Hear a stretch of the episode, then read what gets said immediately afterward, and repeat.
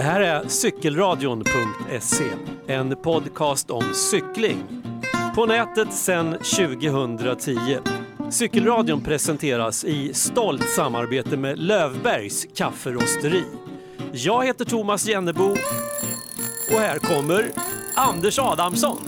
Mm, så det var trevligt. Den 87 gången som eh, Thomas och jag är igång med cykelradion.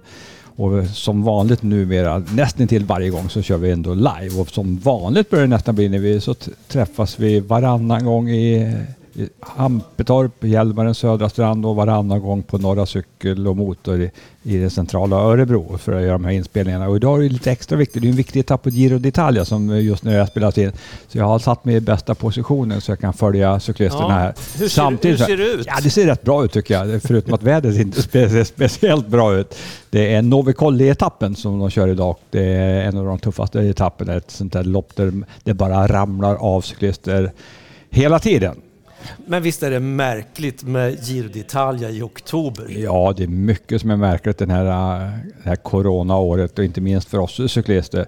Och Giro, det brukar, då har man liksom allting framför sig normalt för det går i maj månad och då börjar man kolla på cykeltävlingar. Jag har varit med och kommenterat så många gånger på Giro d'Italia och sen är det färdigt så då har vi hela sommaren framför oss och sånt där. Nu då, liksom, det är inte roligt det som är kvar utav eh, av året om man ska vara cyklist egentligen. Det kan man väl säga. Det är eh, mörka tider. Ja, det är det verkligen. Verkligen.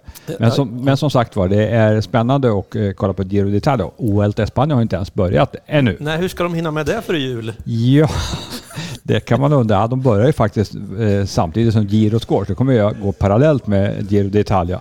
Och det har ju varit, vi har inte varit i, eh, ute så att säga på nätet sedan i juli månad och så har ju hänt en hel del i cykelsvängen efter det. Och eh, den professionella cykelvärlden tänker jag, men de har varit väldigt duktiga i, i eh, internationella cykelförbundet och fått till en kalender så att de flesta av de stora cykeltävlingarna kommer faktiskt att gå den här det här märkliga året 2020. Tour de France kördes ju liksom med start den 29 augusti och det var ju en sprakande upplevelse med två slovener framme i täten till sist och den unge Tadej Pogacar som vann före storfavoriten Primoz Roglic. Och nu är det också en ung kille då, just nu i varje fall då, som, som leder hela Giro d'Italia och en portugis dessutom, eh, ganska ovanligt i cykelsammanhang, Joao Almeida. Om huruvida han vinner eller inte, det får vi vänta och se. Så att, eh, och så, som sagt var, Weltan är på gång också, om de nu klarar det. Coronan ökar ju, inte minst ja. i Spanien. Det ser lite mörkt ut där, eh, men eh, än så länge så håller alla tummarna att cykeltävlingen ska gå, att de kan hålla de här protokollen som de säger. Alltså de gör det de har sagt att de ska göra, att de lever i liksom en bubbla, en, i det här fallet en flytande bubbla som flyttar sig från plats till plats och att man ska träffa så lite folk i övrigt som möjligt så ska man försöka hålla coronan därifrån och framförallt inte dra på sig själv Eh, och kanske framförallt inte smitta som, eh, de som är eh, in, alltså, som har med cyklisterna att göra. Det är mest hotellpersonal. För varenda cykeltävling säger numera eh, se oss på TV, ni ser oss bäst där. De vädjar ju så att publiken inte ska komma ut på eh, bansträckningen. Lägg där till att man stänger väldigt mycket av de här backarna. Flandern runt, min älsklingstävling som alltid går i april månad, kommer att gå nu på söndag. Vi spelar in det här den 15 oktober. Och på söndag ska man köra Flandern runt. Och det alla backar är stängda, alltså ingen publik överhuvudtaget, utan de får titta hemifrån. Så har man löst det och det har hittills, hittills gått ganska bra ska vi säga, men det är ju en och annan cyklist som får corona eller har testat sig positiv och då drar sig lagen ur också. Så girot har ju drabbats av två stora lag som har dragit sig ur eh, Giro d'Italia på grund av att man har ett antal fall av corona inom teamet. Tråkigt i och för sig. Tråkigt i och för sig, men samtidigt man tänker så här, det är en galen logistik i vanliga fall med de här etapploppen. Man kan ju tänka sig då nu som i år när det är så mycket restriktioner runt som du säger med vilka man får träffa, hur man får träffas och hur man får göra. Alltså det, det är ofattbart nästan att det går att genomföra. Ja, jag, är, jag är faktiskt förvånad också. Många har ju sagt liksom till mig att det där kommer de aldrig få tillåtelse. Men på något sätt, att man har, ju, man har klarat det här protokollet på ett bra sätt. Så det, eh, hittills har man ju fått ut väldigt mycket av den här säsongen. Så att, eh, jag tänker också vidare att eh, om det skulle behöva klippas så att säga, efter girot, att Vueltan inte kommer att gå så kommer vi ändå komma ihåg cykelsäsongen 2020 som alltså väldigt speciell naturligtvis, men att man har fått med ganska mycket av, av det tänkta programmet. På tal om protokoll, vi har ett protokoll för det här programmet också. Ja, det har vi. Vi har med, ja, inte som vanligt kan man säga, men eh, näst, nästan till som vanligt så har vi lite gäster. Vi har lite gäster, inspelade gäster den här gången. Vi ska hänga i riksdagen. Ja, vad trevligt. För där har man nämligen pratat cykel och cykling på, på högsta möjliga nivå. Så att vi ska få... Jag snackade med Camilla Hansén, riksdagsledamot, häromdagen. Hon ställde nämligen en rak fråga till, eh, till en av ministrarna om varför det är så himla svårt i det här landet att få arrangera motionslopp och cykeltävlingar. Ska det vara så? Mm. Det här kommer vi att prata om lite senare. Och Mattias Räck är med. Ja, Mattias Räck och proffstränaren som dyker upp allt som oftast här i cykelradion och ger lite tips och råd om träning. Så också den här gången. Mm. Så blir det. Och ja. ja sen har vi en tävling. Ja. Ja det, är, ja, det är som vanligt ungefär då. Och sen har ju Thomas fixat bra musik, tänker jag, som vanligt. Ja, det tycker jag. Alltså, ja. Det är så roligt då, när vi får de här tävlingssvaren. Så det är många som numera hänger på med lite kommentarer. Om, förutom då rätt svar i tävlingen så hänger de på med kommentarer om programmen. Och det är fler och fler som skickar uppskattande kommentarer om musiken. Och det gillar väl du som musikkunnig? Ja. det tycker jag är jättekul. Ja. Det är jag som i allra högsta grad är ansvarig för att det låter som det låter. Ja. Utom någon låt som du önskar då och då. Ja, jag har önskat till nästa program, 88, så mm. kommer det en önskelåt. Det gör det. Men jag tänkte eftersom vi ändå nu tittar på girot här vilket väder! Ja, ja. Jonathan Narvaez har eh, gått loss för närvarande med 19 kilometer kvar. Strilregn ser det ut som va? Ja. ja. Ja, och utanför skyltfönstret där på Norra Cykel i Örebro så skiner solen över svart och det blänker i vattnet och träden är gula och gröna och det är jättevackert. Och jag har laddat med en italiensk låt såklart.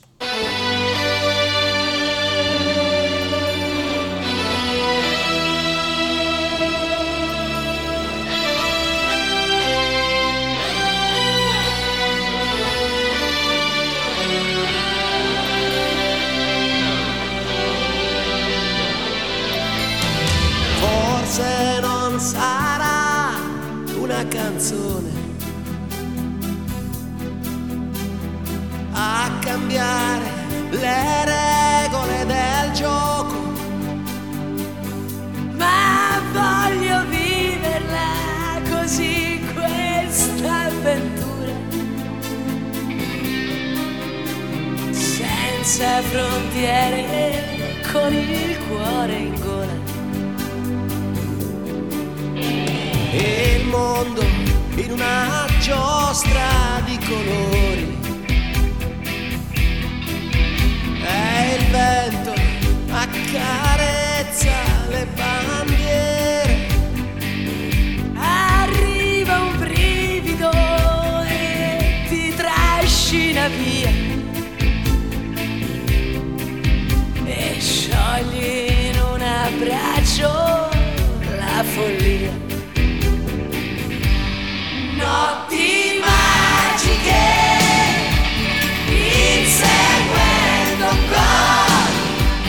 strong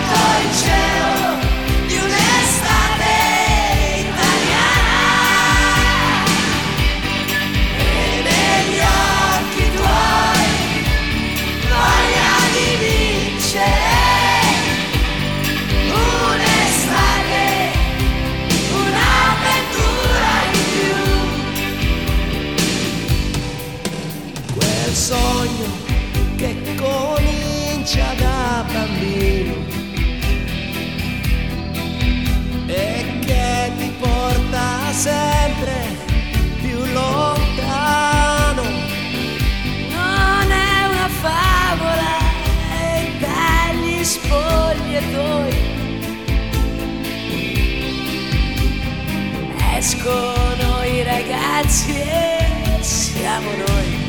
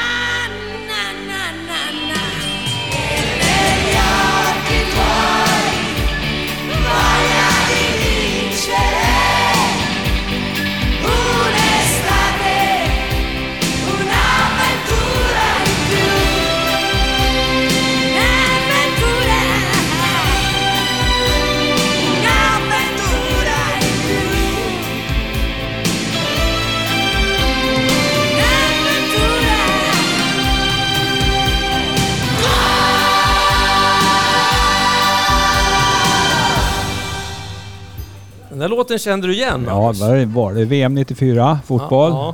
Ja, Nannini, det Yes. är ju med jag känner igen. Ja, jag gillar den där låten. Ja. Den är bra. Mäktig. Och de, pratar den sjung, de sjunger ju om sommaren, Estate va? Och nu är det ju hösten som vi var inne på. Eh, så det öser på lite grann. Hur går det med din cykelåkning då, Thomas? Du fick ju avbryta det här äventyret. Det pratade Ja, om det. förra avsnittet. Ja, ja Och- precis. Och du hade ny, ny utrustning och Ja, grejer. Ja. Låt Men- höra. Ja, men det visar sig att den där vagnen, den där kärran, den här enhjuliga Mm. lilla släpet, det är ju riktigt användbart. Alltså, det börjar med att jag hittade en bra plats på garageväggen och insåg att men här, här kan det vara, den tar inte så stor plats men den är ändå framme hela tiden. Och sen kom jag på när jag behövde transportera grejer till och från båten att istället för att gå lite sådär skämmigt med en skottkärra och lasta saker i så lastar jag i den där cykelkärran. Ja. såklart. Och det- eftersom den är så lätt att hänga på och koppla på och koppla av. Hur var det du kopplade den? Var Eh, det det det var- navet eller? Ja, Nej? precis. Man, skruv, man byter bakaxeln kan man säga. Så att man sätter en ny bakaxel med två eller, alltså små puckar som sticker ut. Eh, och sen hänger man på de här skacklarna från vagnen på dem där. Och det är fjäderbelastade vridgrejer. Så det är bara klock, klock. Ja, så, och då sitter ju den där bakaxeln. Normalt sett sitter den på så du behöver inte byta bakaxel varje gång du ska hänga på nej, kärran. Nej, nej, det sitter okej. Mm. på hela tiden. Så, att, så det blir det är en sån bajonettfattning kan man säga. Ja. Så det där är ju, att det där var ju en riktigt bra grej. Och nu har jag också då inför, du vet, Ja. vårt novemberprojekt så har jag också kommit på ett bra sätt hur jag ska få ihop de där milen. Ska du cykla och handla? Ja, Va? eller hur? Ja. Det är precis så det är Det tänkt. är så jag tänkte Ja, ja, ja.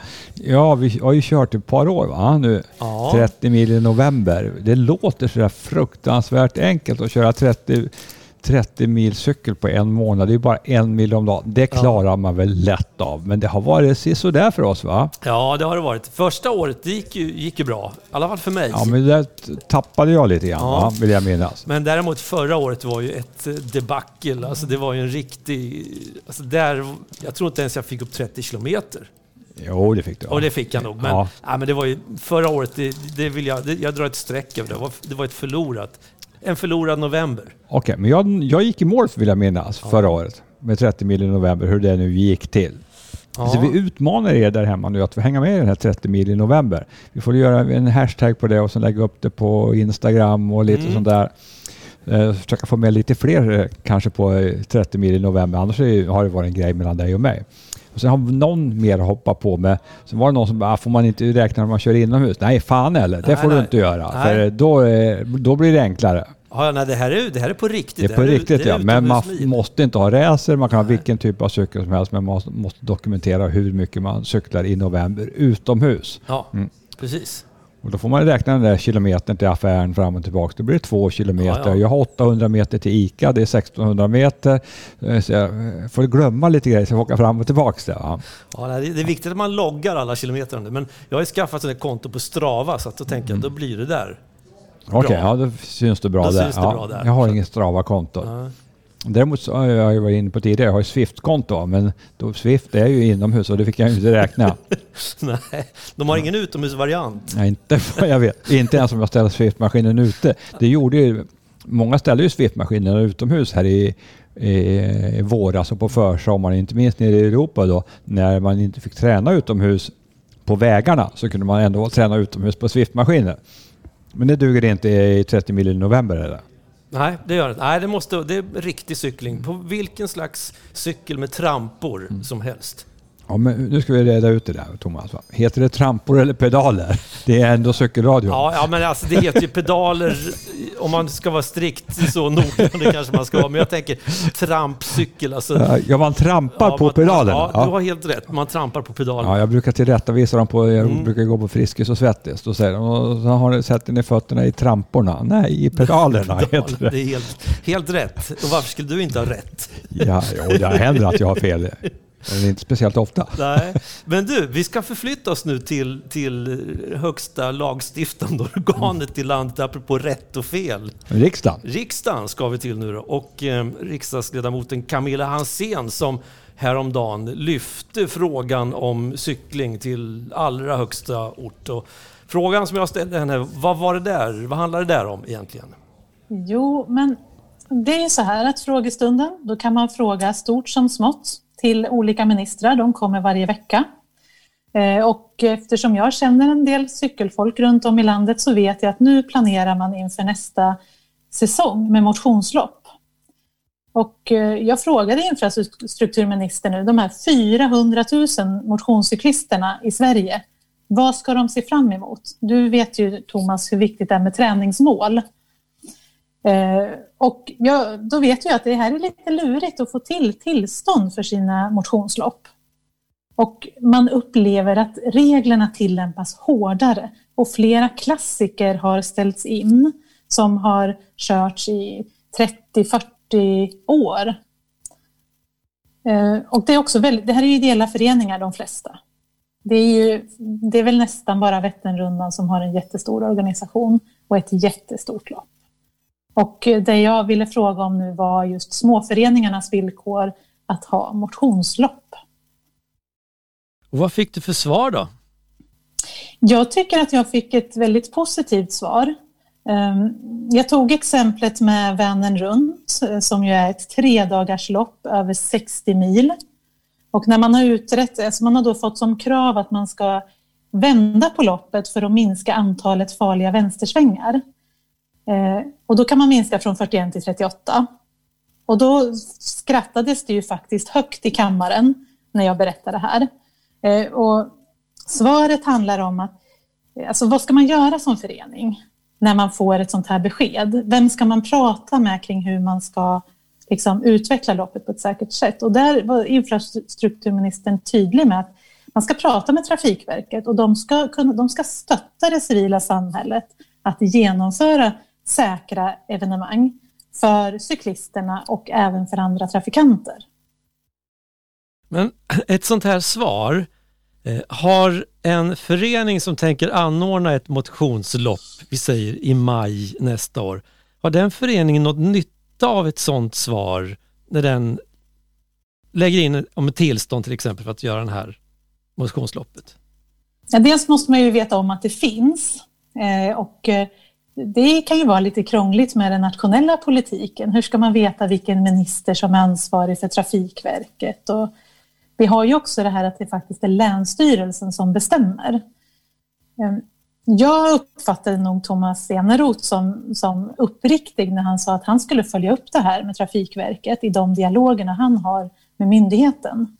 Men Eh, tillfället jag ställde frågan var ju lite valt med omsorg för det fanns nämligen en minister till eh, på plats och det var Lena Micko som är civilminister.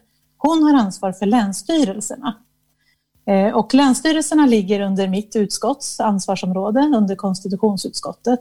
Så jag kommer ju att fråga henne hur hon tar det här vidare med länsstyrelserna. Och sen så kommer jag höra av mig till Thomas Eneroth om ett tag och fråga liksom, hur gick det? Vad säger Trafikverket? Kommer vi vidare här? Och hur får föreningarna, hur, hur ska den här skillnaden märkas för föreningarna? Det är min plan. Så du tänker hålla grytan kokande helt enkelt? Ja, eller hur? Och det är ju eh, det som har gjort mig så himla glad. Eller, jo, men det har gjort mig glad. Många har hört av sig. De berättar om sina lopp, om knepiga förslag man får på ändringar. Eh, och eh, det, det, blir också ett sätt för mig. Jag har ju lärt, fått veta om lopp som jag inte visste fanns och lite att nu håller de på med sina ansökningar. Och så kommer jag att fråga hur det går och det blir ett sätt för mig att hålla i den här frågan också. Eh, och det, det, det, är roligt att lära sig om de här loppen som har getts i många, många år. Samtidigt som att jag kan bli lite bekymrad över när medborgare liksom inte riktigt känner att myndigheterna är där för att stötta och hjälpa. Och det är klart att ett myndigheter måste ju också säga nej om man kommer med tokiga förslag. Men då vill man ha hjälp vidare. Och där tror jag att myndigheterna Ja, men de glömmer nog lite bort att det kan vara en liten ideell förening med någon som aldrig har gjort den här typen av ansökningar eller överklagat beslut förut. Och då behöver man extra hjälp och stöd för att det ska kännas rätt och att, att det ska bli rätt i slutändan. Det pratas ju mycket om, om cykling, har gjort i många år, om att mm. cykeln är ett viktigt transportmedel och ett mm. viktigt redskap för att att lösa mycket av problematiken kring, kring utsläpp och trängsel i städer och framkomlighet och allt det där. Eh, kanske här eh, sparka in en öppen dörr, men känns det som att man har, har lite grann också tappat bort den här andra delen av cykling som inte handlar om att cykla från A till B med barn där bak och matkassar där fram. Mm. Alltså det här med cykel som motion, rekreation och, och hälsa. Alltså att cykla bara för att det är kul. Ja, eh, ja men precis så där som vi gör när vi är ute och svettas och plågas i uppförsbackarna. Det gör man ju bara för att det är kul. Jag tror att det har varit väldigt stort fokus på infrastruktur. Eh, det har varit en del fokus, men det här kan ju bero lite på att jag är miljöpartist. En del fokus på just det här med barn och cykling. Och det är ju det, det är en trafiksäkerhetsfråga vid skolor. Vi, vi vet ju att färre och färre barn cyklar själv till skolan. Därför att trafiksäkerheten är för dålig. Eh, alltså både föräldrar och barn blir oroade för barnens säkerhet. Och det är nog en reell oro skulle jag säga. Det är liksom fel fordon på fel plats helt enkelt. Ehm, och sen det här, jag tänker även liksom på att cykla, kanske inte så i tajta kläder och boxstyr utan även cykelutflykter och, motionscyklister. Alla har ju nytta av till exempel en bra cykelinfrastruktur. Bra cykelvägar, bra belysning, bra snöröjning. Ehm, det är en del, vi, vi lägger en hel riksdagsmotion om cykling och den täcker in allt det här. Infrastruktur, folkhälsa, barn eh, och även då tävlings och motionscykling. Det som jag tänker just med motionscyklingen är att det är nog inte så väldigt många som vet hur det går till. Vi som cyklar tycker att det är, finns ju hur mycket cyklister som helst och vi ser alla aktiviteter olika föreningar har. Men varje länsstyrelse till exempel kanske inte handlägger jättemånga ansökningar. Är, man förstår inte riktigt varför en mindre väg kan kännas osäkrare för en cyklist, även om det är en lägre hastighetsgräns till exempel.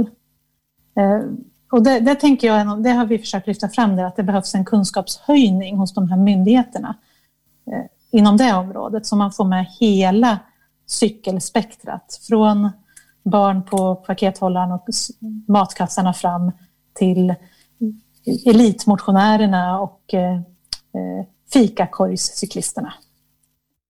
Så man kan säga att, att cykeln och cyklingen som, som fråga, den lever i allra högsta grad i de högsta politiska organen i Sverige? Ja, men det tycker jag. Och, eh, jag ska ju inte bara tala i egen sak. Det är ju flera partier som lägger motioner om cykling. Eh, och det är väl kanske, ibland så är det en mindre del ihop med någonting annat, men det är några partier som lägger enskilda motioner om cykling som i olika grad täcker in eh, hela den här bredden. Så att det tycker jag nog. Det finns ett cykelnätverk på riksdagen eh, som jag brukar eh, försöka träffa om jag har tid. Det här, det här med cykelfrågorna, det är liksom guldkanten på min politikertillvaro, för det är något som jag själv tycker är genuint kul. Och vi som inte är politiker, som, som då cyklar mest för att det är kul, har du något tips till oss för hur vi ska få våra tankar och funderingar att eh, sila vidare genom systemet och då silas uppåt så det mm. hamnar hos, hos dig och dina eh, kompisar i riksdagen? Ja, jag tycker man ska absolut inte rädas att ta kontakt med en riksdagsledamot. Eh, jag i alla fall, jag blir glad för sånt. Och eh, jag skulle jättegärna vilja ha fler mejl kring olika lopp och vad man stöter på för bekymmer. Sen tycker jag om man är liksom en förening så att man ska använda sig av alltså Cykelförbundet, att verkligen se till att rapportera upp det. För Cykelförbundet träffar ju idrottsminister Amanda Lind och lyfter frågorna den vägen också. Eh, och så ska man ju så, man ska inte bara läsa vår motion. Man ska titta på de andra partiernas motioner och ha kontakt med flera politiker. Det är, det är mitt eh, bestämda råd och eh, det kan vara enkelt. Jag har fått några som har börjat ta kontakt via Messenger och det är helt okej. Okay. Sen när det kommer så här massor med bifogade filer på kartor och så, då har jag frågat om jag kan få det till min mail istället. Ja, nej men så även om det ibland kan tyckas uh, vara lite trögt då med de här politiska beslutsgångarna och alltihopa så vi ska inte förtröttas utan fortsätta och, och mata er då i riksdagen till exempel Jajamän. med info. Ja, ja. ja. Och du lovar att ta det vidare till berörda ministrar och andra? Jajamän. Jag har ju idrottsministern i mitt parti och det är ju väldigt roligt. Jag har bra vägar in. Och vi har ju dig i cykelradions eh, kontaktbok.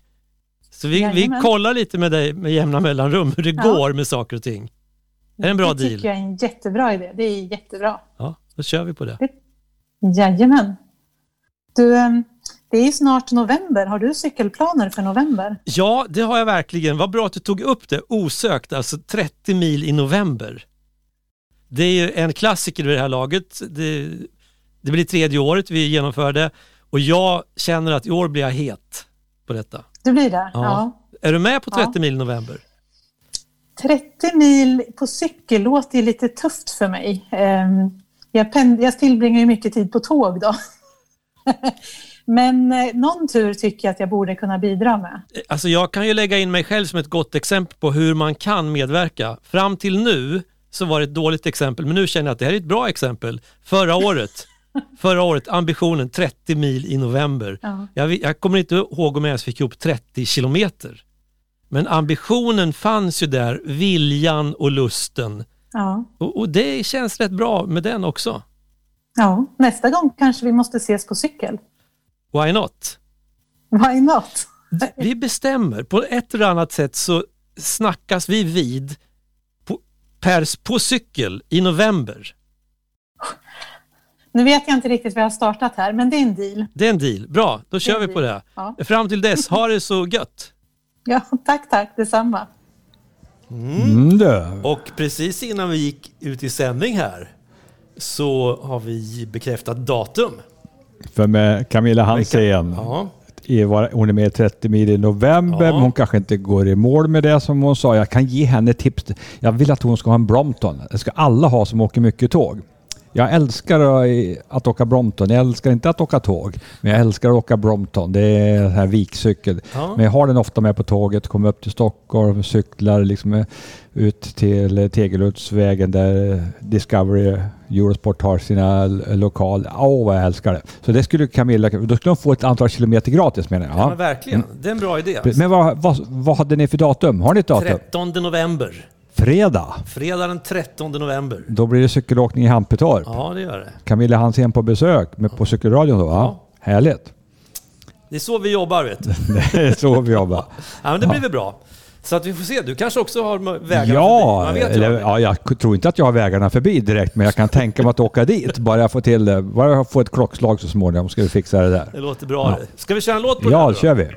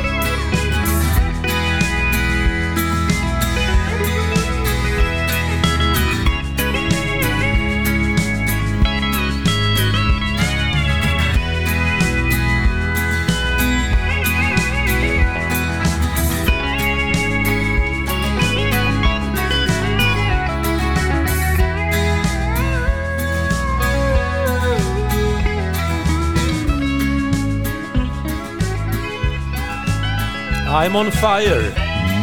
Du, väl- du väljer musik Thomas. Va? Vad var det där för någon som spelade? Whitney Morgan and the 78s. Vad man lär sig. Har de hållit på sedan 78 eller? Ja, sen 78-varvarnas tid. Ja, ja men vad kul att höra lite grann om Camilla Hansén, hennes arbete i riksdagen. Och det är klart att varje gång det pratas cykel, ju bättre är det naturligtvis. Vi hade också Nina Lundström eh, som hade lagt en motion om det här med en och en halv meter. Det som eh, både du och jag har värnat en hel del om. Jag har en Facebookgrupp dessutom då som heter Lagstadga om en och en halv meter för våra liv. Och det handlar ju om att, liksom att, man ska, att det ska finnas en lag helt enkelt. Att när man passerar en cyklist så ska det vara 1,5 meter mellan cyklisten och, eh, och bilen helt enkelt. Och det verkar inte gå igenom den här gången heller. Det saknas beredningsarbete som man säger, men för fasen se till att bereda. Hur svårt kan det vara? Det Ja. funkar ju på en massa andra, i en massa andra länder. Ibland känns det som att vi är tröga i Sverige. Va? Ja, är det någon slags konsekvensanalys man ska fundera över då? Ja, det är naturligtvis. Hur ska man kunna avgöra så att det inte är 1,48 och ska- Ja. mellan den här och mätinstrument och det ena med det tredje. Men det går väl att lösa tänker jag. Absolut, det tycker jag också. Jag menar, själva poängen är ju att få in i bilisternas medvetande att kommer, kör jag ifatt en cyklist så måste jag hålla avstånd. Såklart, det är ju det. Det, är ju Det är inte, det det, det det handlar inte om att jaga, att folk ska bli kriminella i den bemärkelsen. Och så vi tänker ju då, vi som eh, håller på att lobba för det här i lite olika sammanhang, tänker ju att folk, de allra flesta vill sköta sig. Och är det en och en halv meter, då är det en och en halv meter. Du kan ju tänka om du kommer bakom en cykelklunga, du ligger först eh, för som första bil, det bygger på liksom kö bakom, du blir lite stressad. Eh, jag måste komma förbi, nu håller, uppehåller jag de andra viktiga bilisterna, de som kanske är fyra till antalet då, men de cyklisterna som är 20 framför, de ser du bara som en cyklist ungefär då. Och då känner du att ja, du måste passera. Och så gör man en liten dum omkörning, kommer lite för nära, skrämmer upp cyklisterna som blir irriterade. Och i värsta fall liksom någon som vinglar till och går på ett, en kompis bakhjul eller någonting så vips har man en allvarlig vurpa och sen kommer det bilar direkt bakom. Så det är. Har man liksom, vet man att det ska vara en och en halv meter emellan då måste man ju ha fri sikt en, en bra stund innan man kan göra den här omkörningen. Och det, det är väl det vi vill åt. Det är inte att jaga egentligen. För det kommer vi... Det kommer inte bli så jättemycket in i, i statskassan, det är inte det. Det tror inte jag heller. Nej. Och det är väl inte det som är meningen heller. Men Det är inte meningen heller. På tal om, om cyklar, cyklister och bilister så jag har ju pratat med fler människor. Jag pratade med Mattias Räck Ja, alldeles precis nyligen och när jag ringde upp honom då visade det sig att han satt i en bil. Och jag är på väg ner till Hallandsåsen. Jag har ju blivit eh, skidtränare på äldre dagar. Så det är dit jag ska nu och hälsa på några långloppsåkare i Team Ramudden som har träningsläger. Okej, skidtränare, träningsläger, Hallandsåsen i oktober. Det låter som en tuff kombo. Ja, alltså, äh, Hallandsåsen är ju grym eh, när det gäller eh, cykling och de har haft SM där två år i rad, eh, två år i rad nyligen. Men eh, det håller på att bli ett litet nytt mecka för rullskidåkning med. Så här. Så Lager 157 och Team Ramudden kommer nu här eh, de närmaste två veckorna att vara nere kring Båstad och sådär. Så vill man titta på duktiga rullskidåkare så är det på, ska man hänga på Hallandsåsen. Är the place to be. The place to be. Ja. Men, eh, men alltså en, en fråga om man ska koppla cykling med skidåkning. Alltså traditionellt så brukar ju cyklister ägnar sig åt skridskoåkning till exempel. Men finns det någon, någon sån här bra koppling mellan cykling just och skidåkning? Förutom det rent konditionsmässiga med, med hjärtat och allt sånt här. Där är ju lite bättre korrelation till skate. Och det är väl därför skrinnare också då, det, den korrelationen passar bättre. Så att om man bara ska åka skidor i form av skate, vilket till exempel skidskyttarna gör, då är det lite mer anledning att cykla. Och det, det vet vi ju att till exempel Pichler som har haft hand om, om skidskyttarna under lång tid, de har ju cyklat ganska mycket faktiskt. Däremot så, som, som långloppsåkare till exempel så finns det inte så mycket anledning att cykla mer än som lite trevlig variation. Så att det finns ju vissa som har trott nu att Lina Korsgren och Max Novak och de här att, att de ska börja cykla mer, men så är inte fallet. Eh, Det cyklas inte speciellt mycket. Det, jag tror inte att man har någon större nytta av det faktiskt när man ska bli det är liksom, eh, långloppsåkare. Det är bättre att, att springa och, och, och åka skidor Ja. Om vi ska ägna oss åt, åt cykling då lite grann här, Mattias. Eh, Den här, Jajamän ja, den här pandemin nu då som, som pågår för fullt sedan i början av det här året har ju såklart påverkat eh, allt. Det påverkar ju allting och inte minst då cykelsporten. Men nu har det ju kört igång igen då kan man säga i elfte timmen på säsongen. Men hur har pandemin påverkat eh, din verksamhet? Ja, Om man börjar med, med, med det som är proffscyklingen då så är det ju, det är ju det är en av få eh, idrotter som, som kanske har gått igång full gas igen. Och eh, det, det har, man har ju varit väldigt glad. Alltså varje tävling som har fungerat att genomföra har man varit eh, mer eller mindre överlycklig att det har gått. För att det är sponsorer, organisationer och pengar och allting som är inblandat. Däremot på, på motionsnivå så är det ju mer eller mindre helt dött. Det, det, det går ju inte att genomföra motionslopp. Men på proffsnivå så har man ju verkligen har man ju liksom otroligt nog skulle jag säga lyckades man ju till och med genomföra Tour de France. Och det var ju inte mer än två, tre fall tror jag så, så med cyklister eller personal som blev eh, drabbade och fick åka hem. Däremot så verkar det ju tillta nu. På Giro d'Italia så sent som igår så lämnade ju två lag och det är väl, de är väl uppe i 14-15 personer. Ja, det måste vara lite mer. Kanske ja, det är snart uppemot 20 stycken som har fått, fått eh, lämna Giro d'Italia nu. Man har börjat ställa in lite andra tävlingar med. Sådär. Men, men man, får, man får snarare vara tacksam för det som har gått än att vara liksom, eh, ledsen att eh, nu ställs in en och annan tävling. Ditt jobb då som, som tränare för, för flera av de här professionella cyklisterna, hur, på vilket sätt har, har det påverkats? Det, det påverkade väldigt mycket i början för att många av våra cyklister kommer från Frankrike, Italien, Spanien där de mer eller mindre satt inlåsta i sex veckor. Och det är klart att det sätter ju... Dels så var det det att man eh, inte fick gå ut. Och det andra var ju att man visste ju inte heller om det skulle bli några tävlingar till hösten. Så att inte nog med att man är inlåst så ska man försöka träna ganska mycket men man vet inte riktigt eh, om man kommer att ha, ha, ha någon nytta av det. Däremot när det sen började släppas på restriktionerna framåt alltså slutet maj och juni då, då hade man också börjat ta fram en i, i alla fall en tänkt målbild att det blir nog ändå tävlingar i augusti om vi har lite tur. Och då kom motivationen tillbaka så att jobbet som tränare och vara cyklist det var väldigt jobbigt på våren men det blev lättare och lättare under sommaren så skulle man kunna säga. Sen mitt vanliga jobb här hemma i Sverige där man åker runt och håller föredrag och sånt det har ju tyvärr blivit det har ju varit helt dött. Och det är klart att det är inte så många som vill ha en coach att skriva träningsprogram om inte det går några motionslopp. Så att det, det, har, det har varit ganska tufft med mitt vanliga jobb att träna, träna folk hemma. Apropå då, motionärer, många av de som lyssnar på cykelradion är ju glada motionärer såklart. Och Jajamän. Eh, Hur, ha, har vi några så här motivationshöjande tips för om man nu ändå vill hålla igång cyklingen trots att vi går in mot eh, rejäl höst och vinter nu då men kanske bibehålla någon slags form från, från i somras nu då? Har du några tips hur vi ska bära oss åt för att övervintra på ett bra sätt?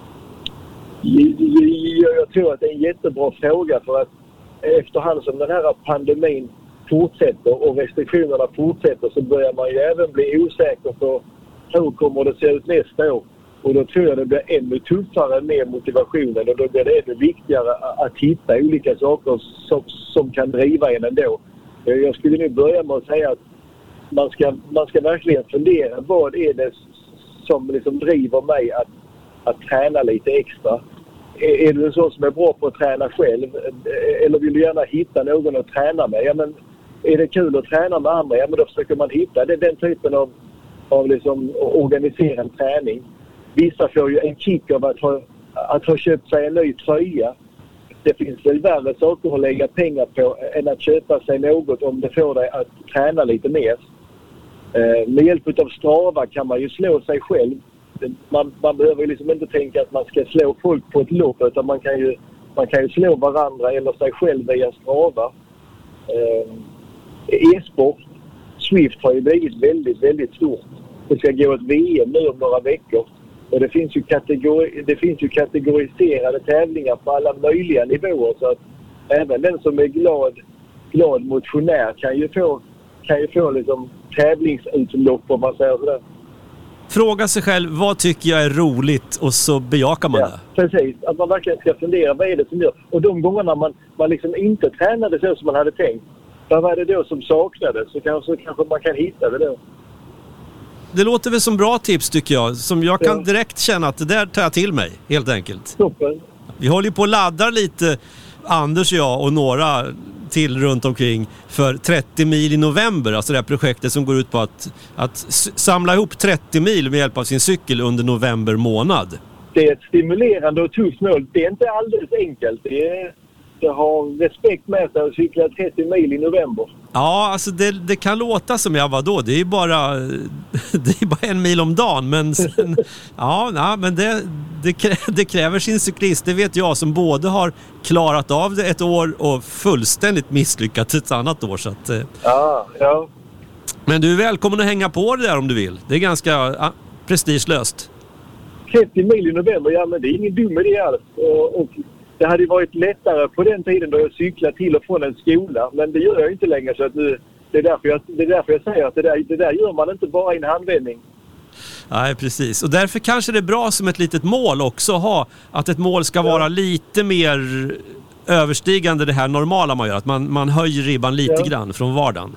Exakt. Ja, men då har vi fått in välsignelse på projektet också, eh, Mattias. Och då får vi väl önska lycka till då med den här rullskidåksträningen på Hallandsås.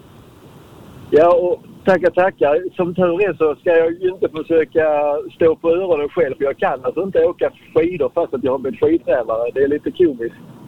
Ehm, och sen nästa vecka, nu får vi se hur det går med Giro d'Italia. Om det överhuvudtaget kommer att gå till slutet i Milano. Men på eh, måndag nästa vecka, då är det vilodag.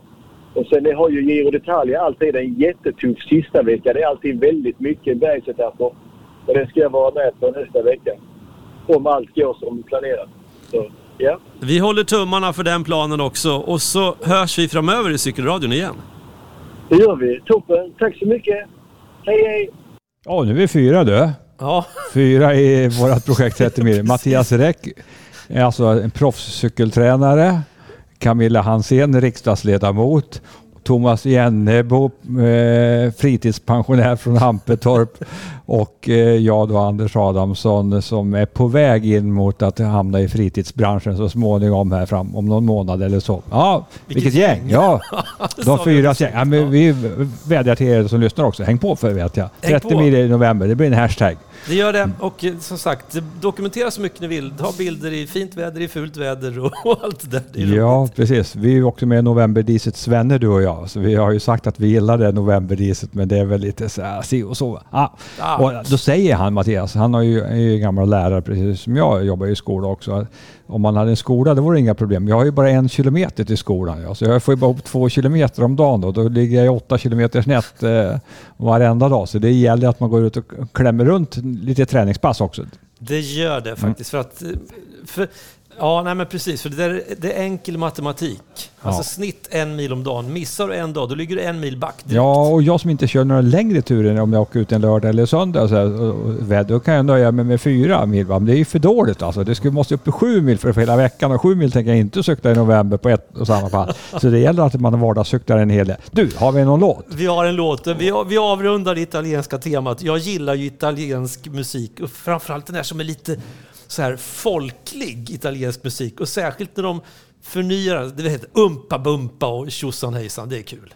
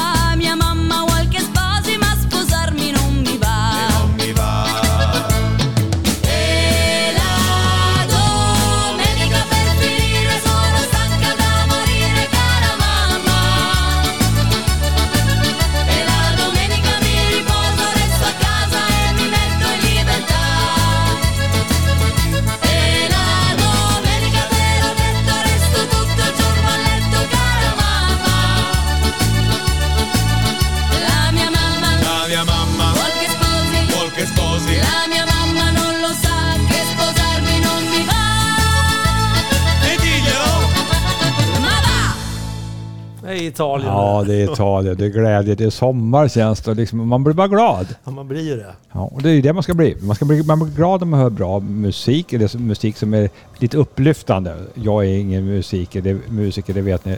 Men det där blev jag glad utav. Och sen blir man glad när man pratar om cyklar. Cyklar i alla dess former och under musiken här har Thomas och jag pratat vikcykel igen då. Alltså jag gillar det här med vikcyklar, Brompton speciellt då. Så det är en... Har ni en chans att prova det? Och du sa ju lite grann att det, du provade ju min här i Mm, I somras. somras. Alltså, alltså, jag har ju bara åkt på typ sån här, du vet de här gamla Crescent-cyklarna. Mi, minicyklar. Minicyklarna Ja. va? Från 70-talet, 60-70-talet. Men det här var ju något helt annat. Alltså, den balanserar ju som att det vore en, en fullstor cykel. Mm, det är det det är. Det är jättemärkligt. Det är För hjulen är ju långt där nere men alltså ändå så har man inte känslan av att det är småhjul. Nej, det går, de går bra. Det är inget snack om saken. Det finns ett världsmästerskap också i Brompton och det är jag faktiskt lite sugen på att vara med på. Det, jag mest intresserad, det, det kan vara prestigefyllt också. Va? Jag vet inte huruvida man får en världsmästarkavaj med världsmästarränderna på eller inte om man vinner. Men eh, framförallt är det en happening. Går alltid i London tror jag, världsmästerskapet också. Men just nu är det, inga, det är ingenting att resa. Jag har småfuskat lite grann och lite sådär Eh, vad det gäller resande. och Fuska och fuska men eh, hur som helst så hade jag ju planerat att åka till Schweiz på cykel-VM och kika på det. Nu blev det ingen cykel-VM i Schweiz, nu blev det Italien och dit ville jag då inte åka trots att det är härlig musik. Italien var alldeles för långt att åka dit eh, och för osäkert på många sätt och vis. Men vi hade ju tagit ut semester där så då passade vi på att köra en vecka i norra Tyskland. Mm. Danmark fick man då åka igenom och åka in i om man kom från Örebro län. Eh, och i Tyskland hade vi inga restriktioner mer än att vi hade att följa det som gällde i Tyskland. Och då, då var det munskydd på när man var inomhus. Eh, utomhus behövde man inte ha munskydd. Och jag och min fru tillsammans med några vänner, vi eh, gjorde ju den resan så att- och var då en vecka i norra Tyskland. Och, eh, du pratade, du ställde fråga lite grann till Camilla Hansén om rekreation, cykel som rekreation och, och så vidare. Fasen vad bra de är på det i Tyskland. Alltså, de är rekreationsområdena. Det är mycket sånt som man jobbar med. Och framförallt då jobbar man väldigt mycket med att göra det cykelvänligt för, för rek- rekreation. Inte för att träna cykel utan det, det går det alldeles för fort på de här cykelbanorna. Men det finns cykelbanor ta med tusan överallt. Och jag har aldrig sett så... Nu ska jag inte ljuga. Eh, det ska man inte göra överhuvudtaget naturligtvis. Men jag har aldrig i hela mitt liv sett så mycket cyklister på cykelbanor, alltså på de här rekreationsområdena, som jag gjorde nu i september månad. Så att eh, tyskarna själva då semestrar ju så att säga en hel del hemma och kör mycket cykel på sina semestrar. Jättekul. Så kan jag rekommendera, verkligen. Och det det hölls ju mellan eh, Vismar och Stralsund, om ni vet vad det är på kartan, där ute på lite sven- halv... Svenskbygder. Ja, ja, Vismar var ju svenskbyggd. Alla, Altersvede var ju det mest berömda huset i, i Vismar. Det passade på att besöka. Det hänger ju också en, en målning av Gustav II Adolf. Ja, nej, men det, alltså, Tyskland är en underskattad, ett underskattat eh, semesterland Ja, verkligen. för oss svenskar. Mm. Så att, eh, ja, men vad kul. Ja du, du nu ska vi ha en, eh, vi ska dra en, täv, en tävling som, som avslutning. Ja. Vi ska dra vinnaren i förra programmet och så ska jag se till att han eller hon får den där tröjan.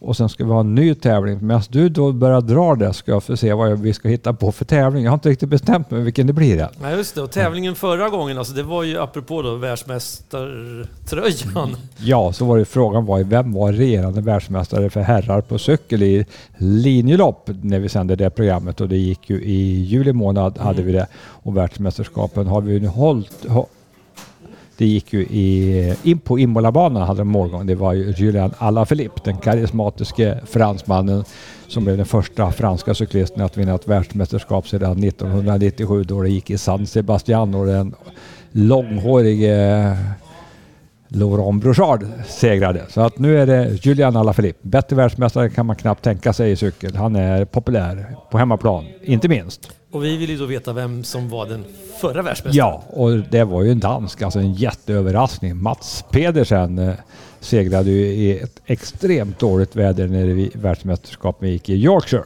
Mm, då slår vi igång tombolan.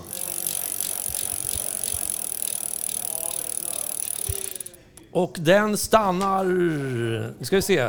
Eh, Mads Pedersen, rätt svar. Niklas Ahlqvist i Umeå. Stolt sviftare i team 63,8 N.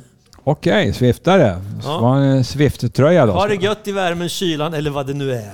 Ja, grattis till Niklas. Eh, Jag får söka upp honom på eh, Swift då någon kväll här får vi se om, om jag kan hänga med någon kilometer. Undrar vad det är 63,8 är. Det, en eh, breddgrad. Det, ja. jag skulle nästan gissa att det är breddgrad. Breddgrad, ja precis.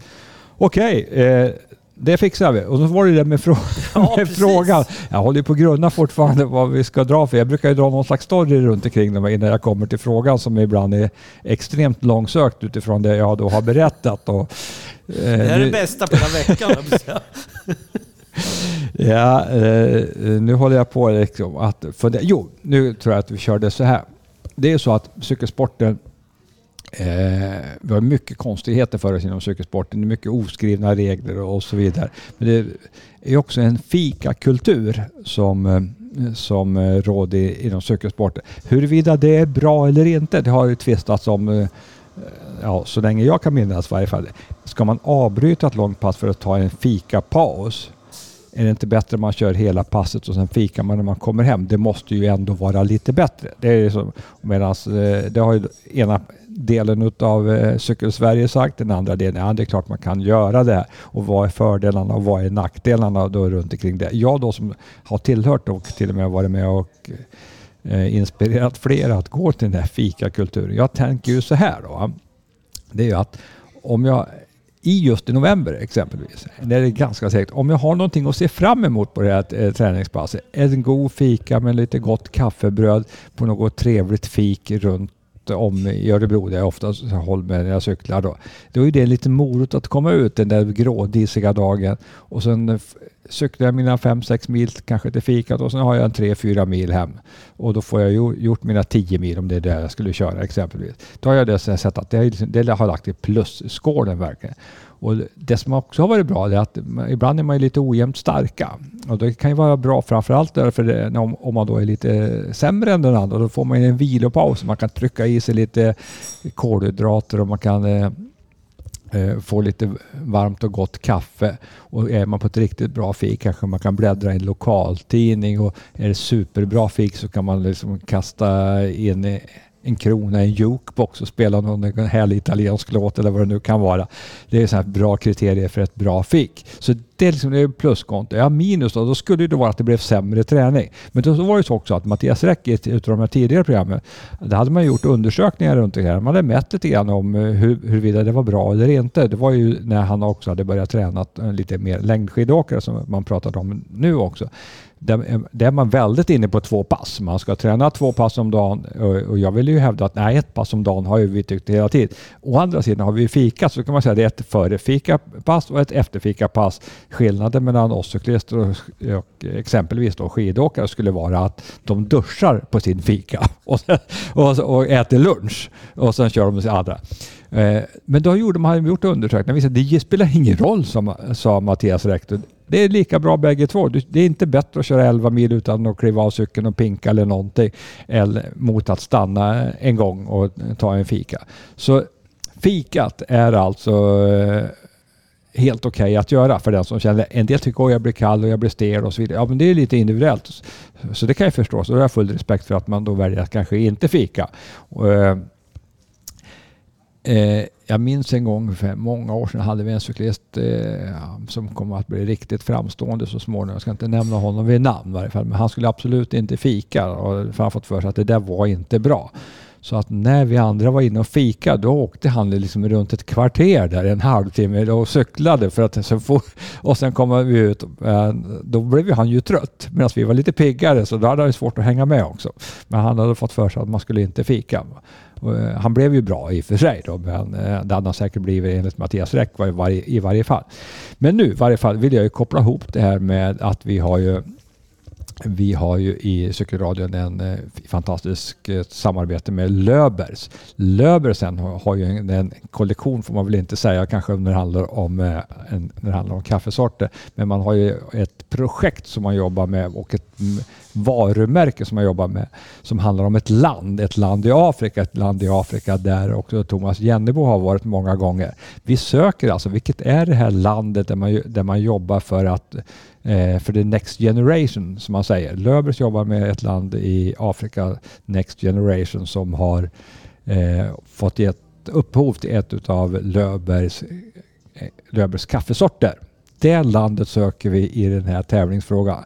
Och är ni lite osäkra på det, vad det kan vara, svårt att hitta, om ni inte kan det så kan ni liksom backa tillbaka några cykelradioprogram så får ni höra att Thomas Jennevo har jobbat som volontär i det landet, både på plats och eh, nu i coronatider på distans. Mm. Stämmer. Och tror man sig veta då vilket det här landet är, då skickar man ett mejl till redaktionen cykelradion.se. Välkomna med era svar.